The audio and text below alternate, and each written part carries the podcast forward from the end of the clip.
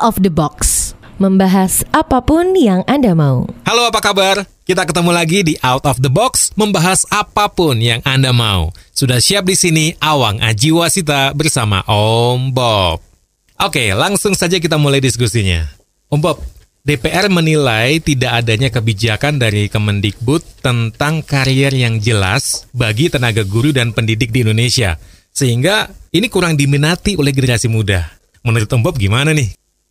Ya ini memang apa yang dikhawatirkan oleh yang terhormat anggota DPR di Senayan itu memang betul ya. Eh, sekarang kalau kita lihat kalau kita melakukan survei itu jarang sekali kalau orang ditanya kamu besok mau jadi apa itu relatif tidak ada yang ngomong bahwa dia mau jadi guru. nah, ini kan yang diprihatinkan oleh semua orang kan. Ya, padahal profesi guru itu sebetulnya dari sebuah kemajuan bangsa itu sangat penting. Kalau rakyat tidak ada yang mendidik atau mendidiknya jelek, itu ya negara kita mau menuju ke mana? Ya, itu memang susah sekali. Nah, sekarang dikatakan bahwa Mendikbud yang baru ini harus memperhatikan karirnya guru-guru. Betul. Nah, ini memang satu perkataan yang mudah diucapkan tapi susah dilaksanakan. Itu ya tidak tidak sesederhana itu, ya. Nah, sekarang kita kalau melakukan sedikit wawancara dah ya, eh, iseng-iseng dah coba kita coba menemui beberapa guru-guru kita ini ya ditanyain nah kamu kok profesinya jadi guru apa? Nah Hmm. itu jawaban yang paling dhuwur itu ya saya butuh pekerjaan. Ya butuh penghasilan. Nah jadi saya jadi guru. Jadi motifnya itu sudah bukan saya pengen jadi guru karena saya kepengen mendidik. Mendidik anak-anak supaya jadi pinter. Ya itu sudah kesekian kalinya ya. Jadi yang utama adalah eh, dia butuh pendapatan. Lah dia menganggap guru itu sepertinya kok paling mudah dimasukin sebagai pekerja ya. Dan dia lihat banyak yang lihat bahwa jadi seorang guru itu memang profesi yang paling enak ya paling enak ya karena perjuangannya atau struggle untuk menjadi karirnya itu tidak usah susah-susah Oh. jadi kalau jadi seorang guru itu liburnya paling banyak Paling banyak. kalau sekolah itu semesteran ya itu liburnya paling sedikit tiga minggu Betul, betul. belum nanti kalau menjelang hari raya Idul Fitri. Hmm. bulan puasa itu sama. Karena murid-muridnya itu kan banyak liburnya. Jam Iya. pelajarannya dikurangin. Mhm. ya jadi gurunya juga otomatis kan bekerjanya lebih kurang. Ya jadi lebih enak. Belum nanti kalau di tengah-tengahnya itu ada yang namanya catur bulan kan. Biasanya itu ada ulangan umum terus libur seminggu. Oh iya. baru dimulai catur bulan kedua sebelum semester. Itu libur lagi. Ya jadi dilihat dari segi itu guru itu memang dari segi hari bekerjanya atau jam kerjanya itu paling gampang. Ya lah juga di dalam sistem pendidikan kita ini memang banyak kelemahannya Ya, jadi kalau mengatakan bahwa profesi guru sekarang itu tidak diminati oleh generasi muda Mhm. karena karirnya kok sepertinya itu tidak jelas, Mhm. ya itu nggak bisa dilihat dari sekarang. Ya, kenapa? Ya, tapi harus secara keseluruhan. Nah, kembali lagi Om Bob. Kenapa kok generasi muda itu tidak tertarik menjadi guru ya? Jadi masalah kenapa kok generasi muda itu tidak tertarik menjadi guru, menganggap bahwa karier jadi guru itu MDS. Apa itu Bob? Ya itu yang populer kan masa depan suram. itu banyak sebabnya. Salah satunya kan coba ya.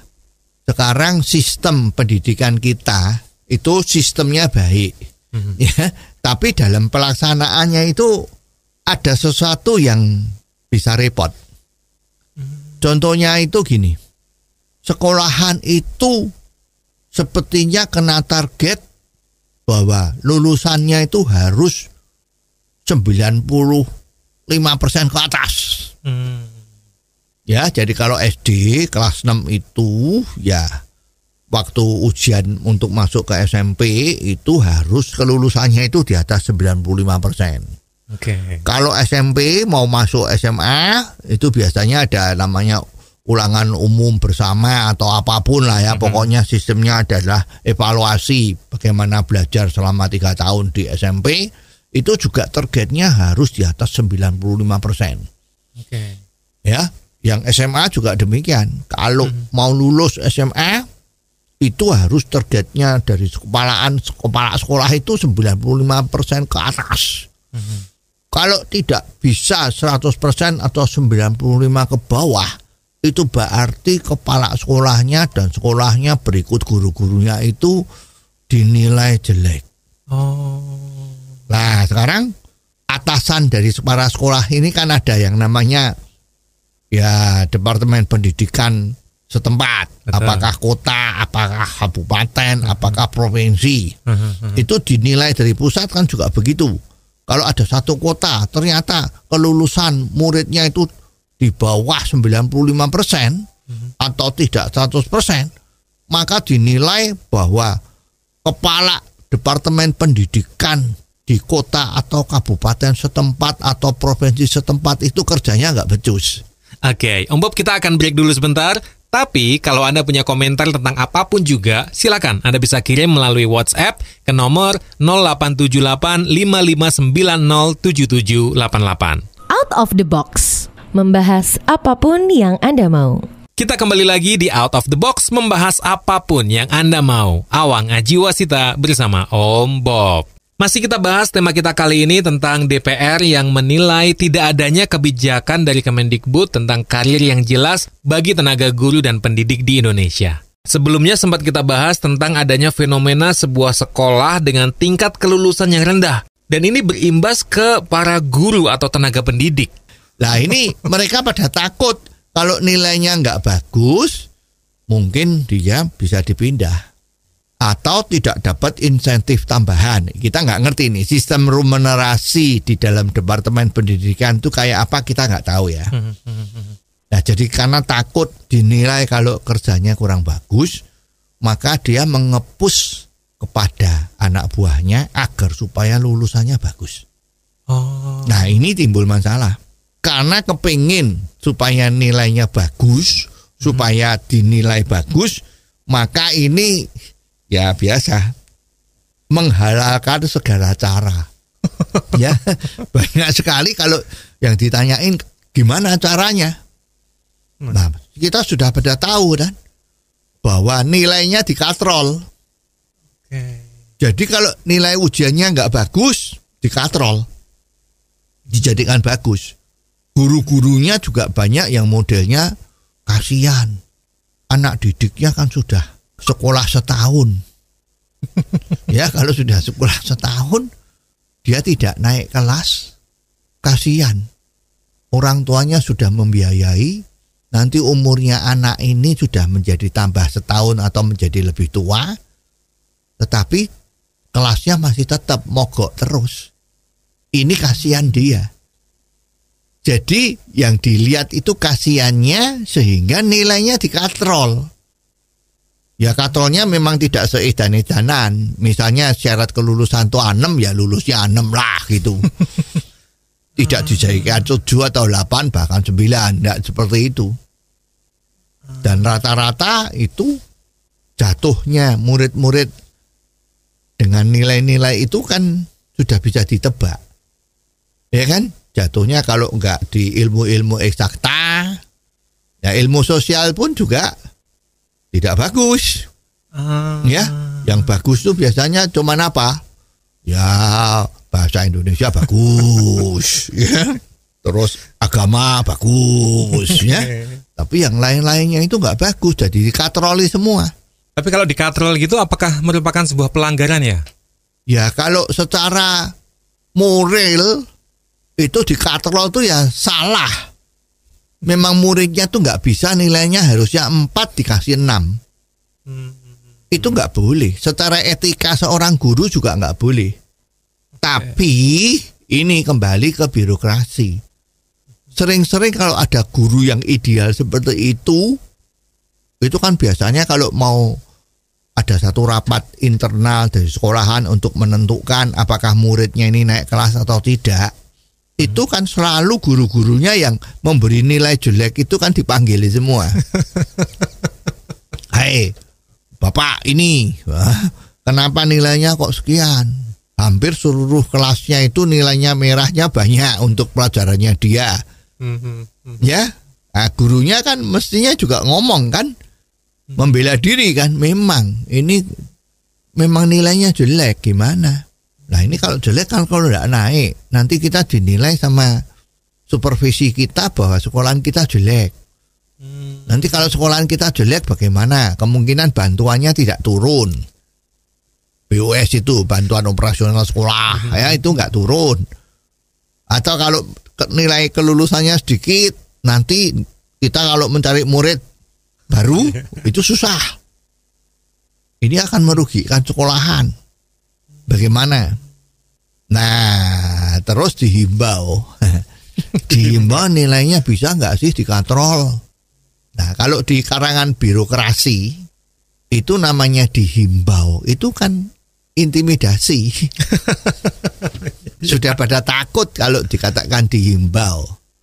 Seperti kemarin tuh yang ribut-ribut itu, ya di sekolahan SMK negeri di Padang, Sumatera Barat, ya murid-murid yang bukan agama Islam dihimbau pakai hijab sekolahnya. Ya sekarang kemarin kan viral jadi geger kan. Betul. Nah, sekarang ya baik, jadi memang itu tidak sesuai dengan Pancasila, ya memang itu nggak bisa ada aturan yang seperti itu. Nah, tapi kalau sekarang kembali ke naik kelasnya murid-murid, itu dihimbau, ya bisa nggak dinaikin nilainya di katrol supaya bisa naik. Nah, ini kebanyakan hampir semua guru itu menyerah. Pasti dinaikkan. Oke. Ya kalau dia tidak dinaikkan nilainya tidak dikatrol kan muridnya tidak naik. Tidak naik berarti tingkat kelulusannya itu menjadi merosot Betul. persentasenya. Nah ini dianggap merugikan banyak guru. Nah karena kebanyakan guru, kebanyakan pemimpin sekolahnya itu semua mempunyai sifat yang seperti itu. Ini kan termasuk sikap ABS ya, asal bapak seneng. Oke. Ya, jadi kalau dia kepala sekolah di suatu kota, nah kalau dia berbuat banyak yang lulus, nah yang seneng kan kepala Depdikbudnya, Ah, ya, atau pengawas sekolahnya itu seneng karena dianggap bahwa dia kerjanya bagus karena kelulusannya bagus. ABS, ya wis diluluski. Karena kalau dia tidak menaikkan angkanya menjadi bahan cemohan dari guru-guru yang lain. Lah, you tuh gimana sih? Kok tidak mau bantu kita ini? Nah, ini sudah berlangsung nggak cuma satu dua tahun. Sudah satu dekade, dua dekade itu seperti ini. Ini yang repot. Well, kita akan break dulu sebentar Om Bob. Sambil terus Awang ingatkan, kalau Anda punya komentar tentang apa pun juga yang bisa kita bahas di sini, silakan dikirim melalui WhatsApp ke nomor 0878 55907788. Out of the box. Membahas apa pun yang Anda mau. Anda masih mendengarkan Out of the Box membahas apa pun yang Anda mau. Awang Ajiwasita bersama Om Bob. Masih kita diskusikan tentang profesi guru yang menurut DPR kurang diminati oleh generasi muda. Diskusi kita di segmen sebelumnya masih sampai di seputar katrol-katrol nilai demi naik kelas. Tapi pertanyaannya, apakah hal ini akan menjadikan sekolah itu jelek ya Om Bob? Ya coba sekarang kita pikirin bersama deh ya. Kita ini diskusi sama semua orang. Oke. Sekarang misalnya ini kita ambil paling contoh paling gampang itu ya dimulai dari SD ya. Oke. SD kelas 1 itu kan syaratnya itu kan dia harus bisa membaca, menulis Mhm, dengan baik Oke. ya.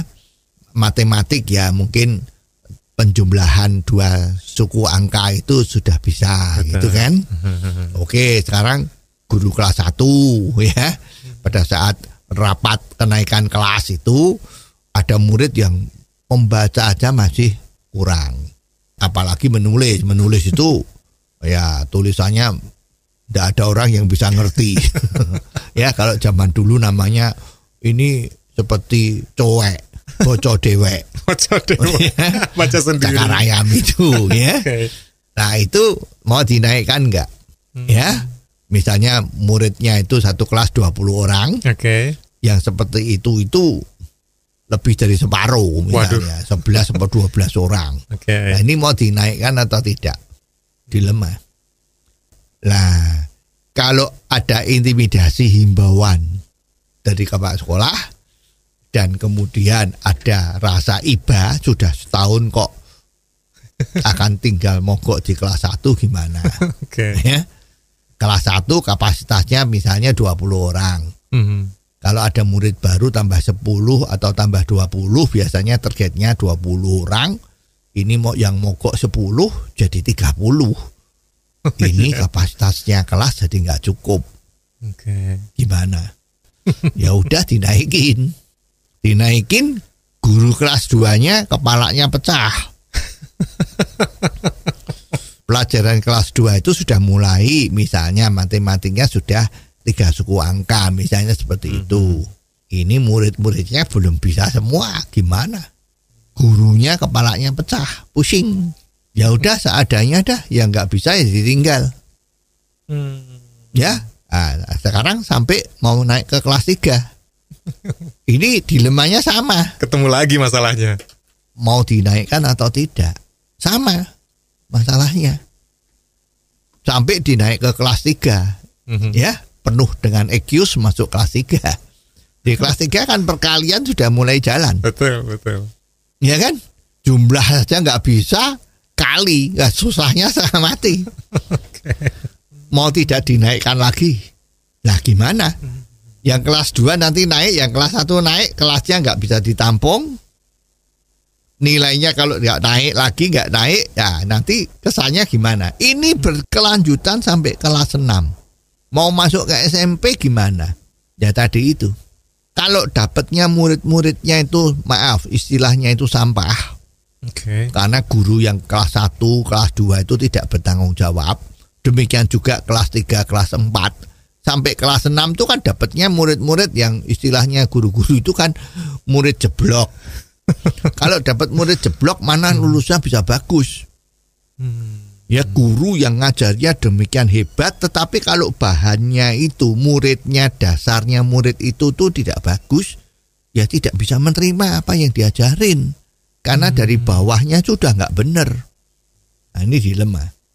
Tapi demi supaya dapat nilai bagus penilaian dari penilik sekolah atau dari kepala dekdibutnya setempat ya dikatrol pokoknya lulus.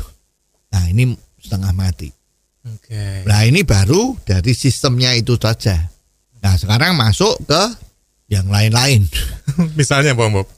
gurunya ngajar muridnya payah kan harus ekstra keras. Bekerjanya memberitahu supaya muridnya itu lebih bagus hasilnya. Betul. ya itu harus ada pelajaran tambahan. Ya pelajaran tambahan ini sering-sering ya disalahgunakan sama guru-guru. Ya pelajaran tambahan. Karena jam kerja guru itu ya seperti pegawai negeri biasa kan. Mhm. jam pagi jam 7 masuk jam 12 jam 1 atau jam 11 sudah selesai pulang. Lah jam tambahannya ya harus ada ulus ada duitnya ya. Jadi mana sering ada murid-murid yang nilainya jelek diharap les Hmm. les di rumah nah dengan biaya tambahan. Oke. Nah, bagi yang les itu muncul nilainya bagus. Yang tidak les nilainya nggak bagus. Karena juga ada mental guru yang kurang bagus, ya. Tidak semua guru ya, ada yang oknum-oknum guru yang tidak bagus. Kalau di sekolahan ngajarinya itu seenaknya, ya. Bila perlu lihat handphone, chatting-chatting sama teman-temannya, ngajarnya seadanya dengan tujuan nah, supaya nanti les. Kalau les, nah, ngajarnya lebih bagus, ya supaya jelas dan nanti nilainya bagus. Jadi ini banyak terjadi, banyak terjadi di sekolahan-sekolahan. Tapi ketika itu terjadi, yang salah siapa Om Bob? Ya ini kan sistemnya. Mestinya kan sekolahan itu harus punya peraturan bahwa guru itu tidak boleh memberi les pribadi di rumahnya. Itu harus ada. Jadi mau tidak mau dia harus memberi pelajarannya sedemikian rupa baiknya agar supaya murid-muridnya jadi pinter. Nah celakanya lagi ini supervisi ya supervisor untuk mensupervisi kerjaan guru-guru ngajar ini tidak jalan efektif. Jadi asal sudah bisa nilainya baik ya udah dia nggak lihat bagaimana itu nilai itu jadi. Ah. Nah, Om Bob kita akan jeda dulu sebentar sambil terus Awang ingetin kalau Anda punya komentar tentang apa pun juga, silakan Anda bisa kirim melalui WhatsApp ke nomor 087855907788. Out of the box. Membahas apa pun yang Anda mau. Terima kasih Anda masih bersama Awang Aji Wasita dan Om Bob. Kita masih di Out of the Box membahas apa pun yang Anda mau. Masih kita bahas tentang profesi guru yang menurut DPR kurang diminati oleh generasi muda Indonesia karena tidak adanya kebijakan dari Kemendikbud. Kalau sekarang kita lihat dari sistem pendidikan kita, apa yang seharusnya dilakukan ya Om Bob? Sistem pendidikan itu harus betul-betul kepala sekolahnya itu juga bukan tujuannya jadi kepala sekolah atau jadi guru itu mencari penghasilan, tapi harus betul-betul mendidik. Jadi untuk mencetak murid yang baik itu gurunya harus baik, sistemnya harus baik. Ya sekarang apakah ada sekolahan-sekolahan itu yang menciptakan sistem pendidikan yang bagus, extraordinary kalau sudah ketinggalan seperti ini. Gurunya apakah betul disupervisi kalau ngajar itu konsepnya ya itu apakah suara seorang guru itu sudah keras? Cukup keras agar muridnya itu bisa dengar dengan jelas. Ya nomor dua. Apakah masih ada yang namanya teaching? Guru sebelum mengajar dia harus mempraktekkan ngajarnya itu di depan kepala sekolahnya. Oke. kamu mau ngajar ini caranya ngajar gimana dipraktekkan dulu sama kepala sekolahnya atau supervisinya. Koreksilah pada saat itu. Kalau nggak benar ya dikoreksi. Supaya dia nanti ngajarnya benar. Kalau sudah di teaching ngajarnya itu diperiksa. Apakah setiap kelas dari sebuah sekolahan itu bisa dipantau audiovisual oleh kepala sekolahnya? Oke. betul enggak dia ngajarnya ya audiovisual jadi kelihatan. Kalau gurunya ngajar tuh mainan HP ya ketahuan gitu kan. Nggak boleh seperti itu. Nah terus yang ngajar itu apakah sudah sama dengan kurikulum yang harus diajarkan? Ya jadi ini juga penting. Kalau tidak sama ya gimana? Itu banyak sekali kejadian. Kalau sudah habis semesteran atau kuartalan itu ternyata silabusnya belum selesai. Nah ini kan nggak boleh Nah sering-sering kepala sekolahnya juga ngon- ngontrolnya nggak ada ya udahlah nggak apa-apa nanti dihabiskan aja kalau mau menjelang semester. Ternyata menjelang semester juga nggak habis. Ya udahlah, diteruskan aja nanti kalau sudah mau sampai semester genap nanti gimana gitu kan? Modelnya seperti itu. Ternyata nggak selesai juga. Nah terus dikatrol. Nah, nanti lagi. lulusannya kalau udah ketemu dengan sekolahan lain yang lebih bagus, ya murid-muridnya ternyata lulus tapi kalah jauh dengan lulusan sekolahan lain. Ya belum lagi ini nanti kalau soal ulangan. Mhm. Ulangan kan harusnya itu juga sesuai dengan silabus. Betul, betul. Nah kalau ulangannya hanya yang diajarin tapi nggak sesuai dengan silabus ya murid itu yang lulus-lulus itu juga nilainya itu kan seperti kalau dulu sepak bola itu namanya jago kandang. Cuman hebat di sekolahannya. Tapi begitu sudah sampai tingkat nasional, tingkat di luar sekolahannya itu ternyata keok. Hmm. Pengetahuannya kalah.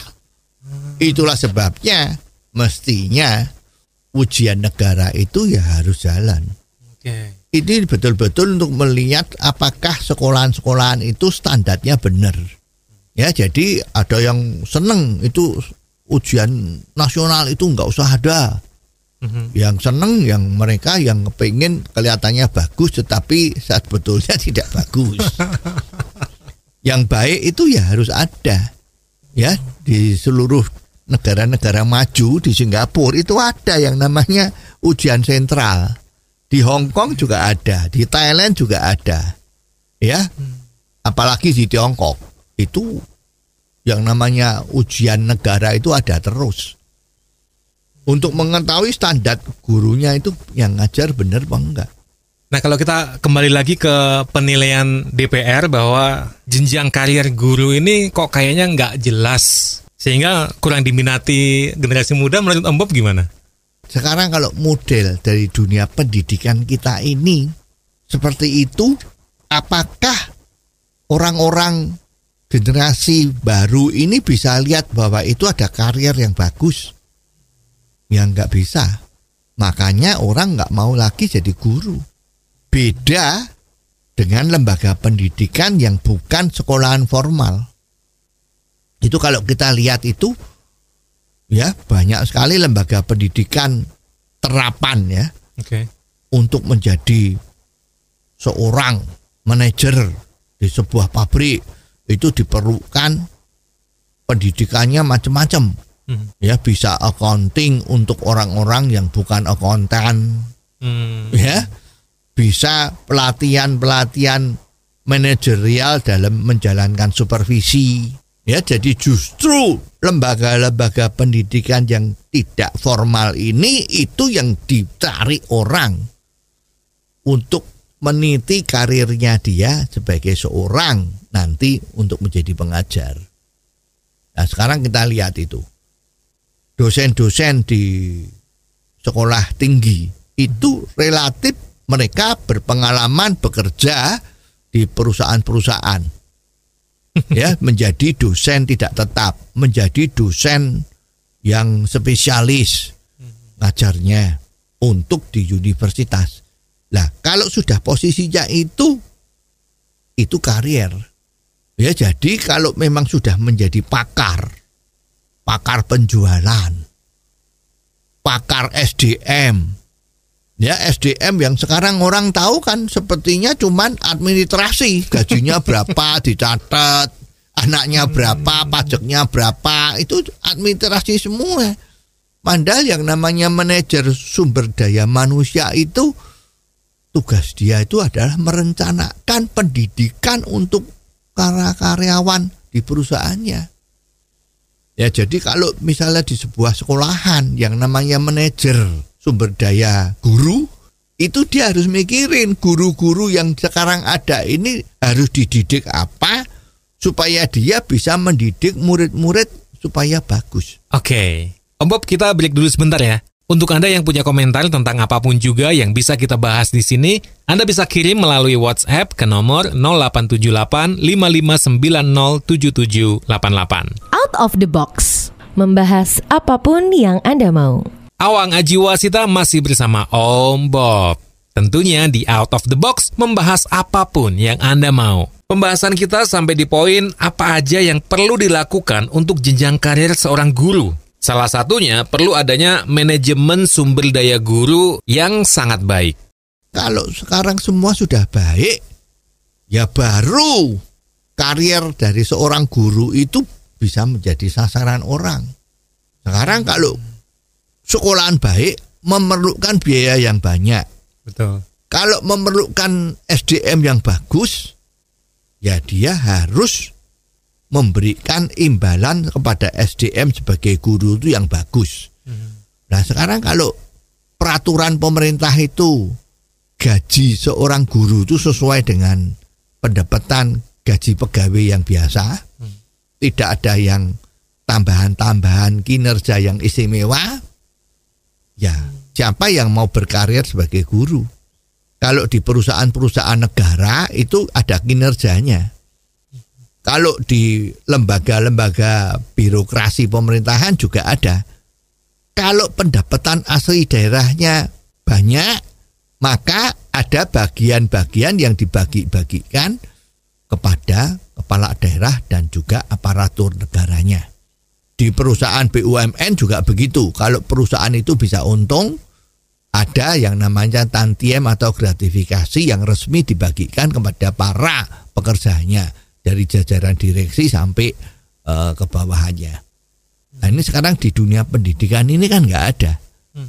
Nah ini juga harus dirubah, dirubah agar supaya merangsang orang untuk mau menjadi guru. Ya, jadi sistemnya semua harus dirubah total. Nah terus paling bagus caranya untuk merubah gimana Om Bob? Ya paling bagus ya niru Niru. niru di negara lain tuh bagaimana? Ah. Ya, ditiru, dimodifikasi, jadikanlah sistem di Indonesia. Ya kalau di luar negeri itu, misalnya di Hong Kong atau Singapura, itu orang mau jadi guru tuh setengah mati susahnya. Betul-betul dites dengan kemampuan-kemampuannya itu memang dia benar apa enggak ya, gaji seorang guru di negeri-negeri yang lain itu tinggi. Tapi sebanding dengan kualitas gurunya itu. Ya, jadi ini kan semacam ayam dan telur, mana yang lebih dahulu?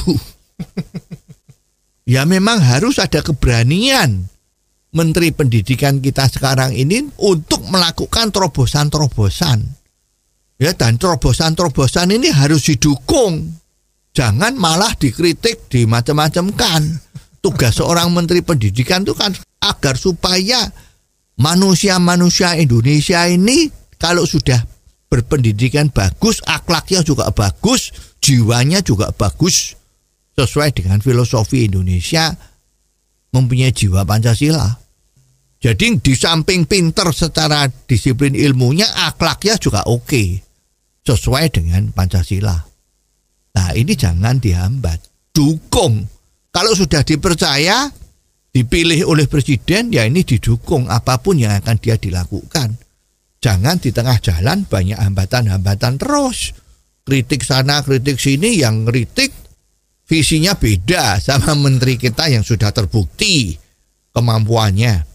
Ya jadi memang kalau mau mengharapkan anak muda itu menjadi karier sebagai seorang tenaga pendidik, ya tidak cuma sekedar gaji doang, tapi sistemnya semua. Orang yang baik masuk di dalam sistem yang tidak bagus, ya mana kuat. Dia tidak bisa bertahan lama, dia mungkin akan ah ternyata tidak seperti ini. Yang dia inginkan itu ternyata nggak bisa didapat di dunia pendidikan ini untuk jadi seorang guru. Ya memang diperlukan terobosan-terobosan yang istimewa, yang extraordinary agar supaya cepat-cepat dunia pendidikan di Indonesia itu selesai masalahnya untuk melawan negara-negara lain. Kalau kita seperti sekarang ini terus, ya walahu alam. Mau jadi apa pendidikan Indonesia? Semua sistem rasanya kok harus dirombak ya. Gradual atau revolusioner harus cepat-cepat ini. Kalau enggak Indonesia akan ketinggalan. Betul. Sekarang itu menjajah bangsa itu enggak pakai senjata kok. Tapi tapi pakai adu pinter. Makin pinter orang lain, makin susah bagi kita. Kita juga harus makin pinter. Sekarang dunia sudah bicara augmented intelligence, robot-robot itu sudah jalan semua. Kita di sini masih ribut. ribut bahasa Inggrisnya gimana, ya, ribut akhlaknya kita gimana, ah, nggak bisa. Harus cepat-cepat melawan, harus cepat-cepat terobosan-terobosan, harus jangan ribut melulu, tapi harus cepat-cepat. Bagaimana supaya kita masa depan kita itu harus diraih dengan keringat dan darah, dengan kerja keras Ya bukan sekarang ini ribut melulu. ini siapa begini, siapa begitu, itu ribut terus. Ya itu nggak benar. Terobosan harus dilakukan segera dan semua warga negara harus membantu dan bekerja sama untuk tujuan yang lebih besar, bukan lagi tujuan individu. Tujuan bersama itu yang harus diutamakan.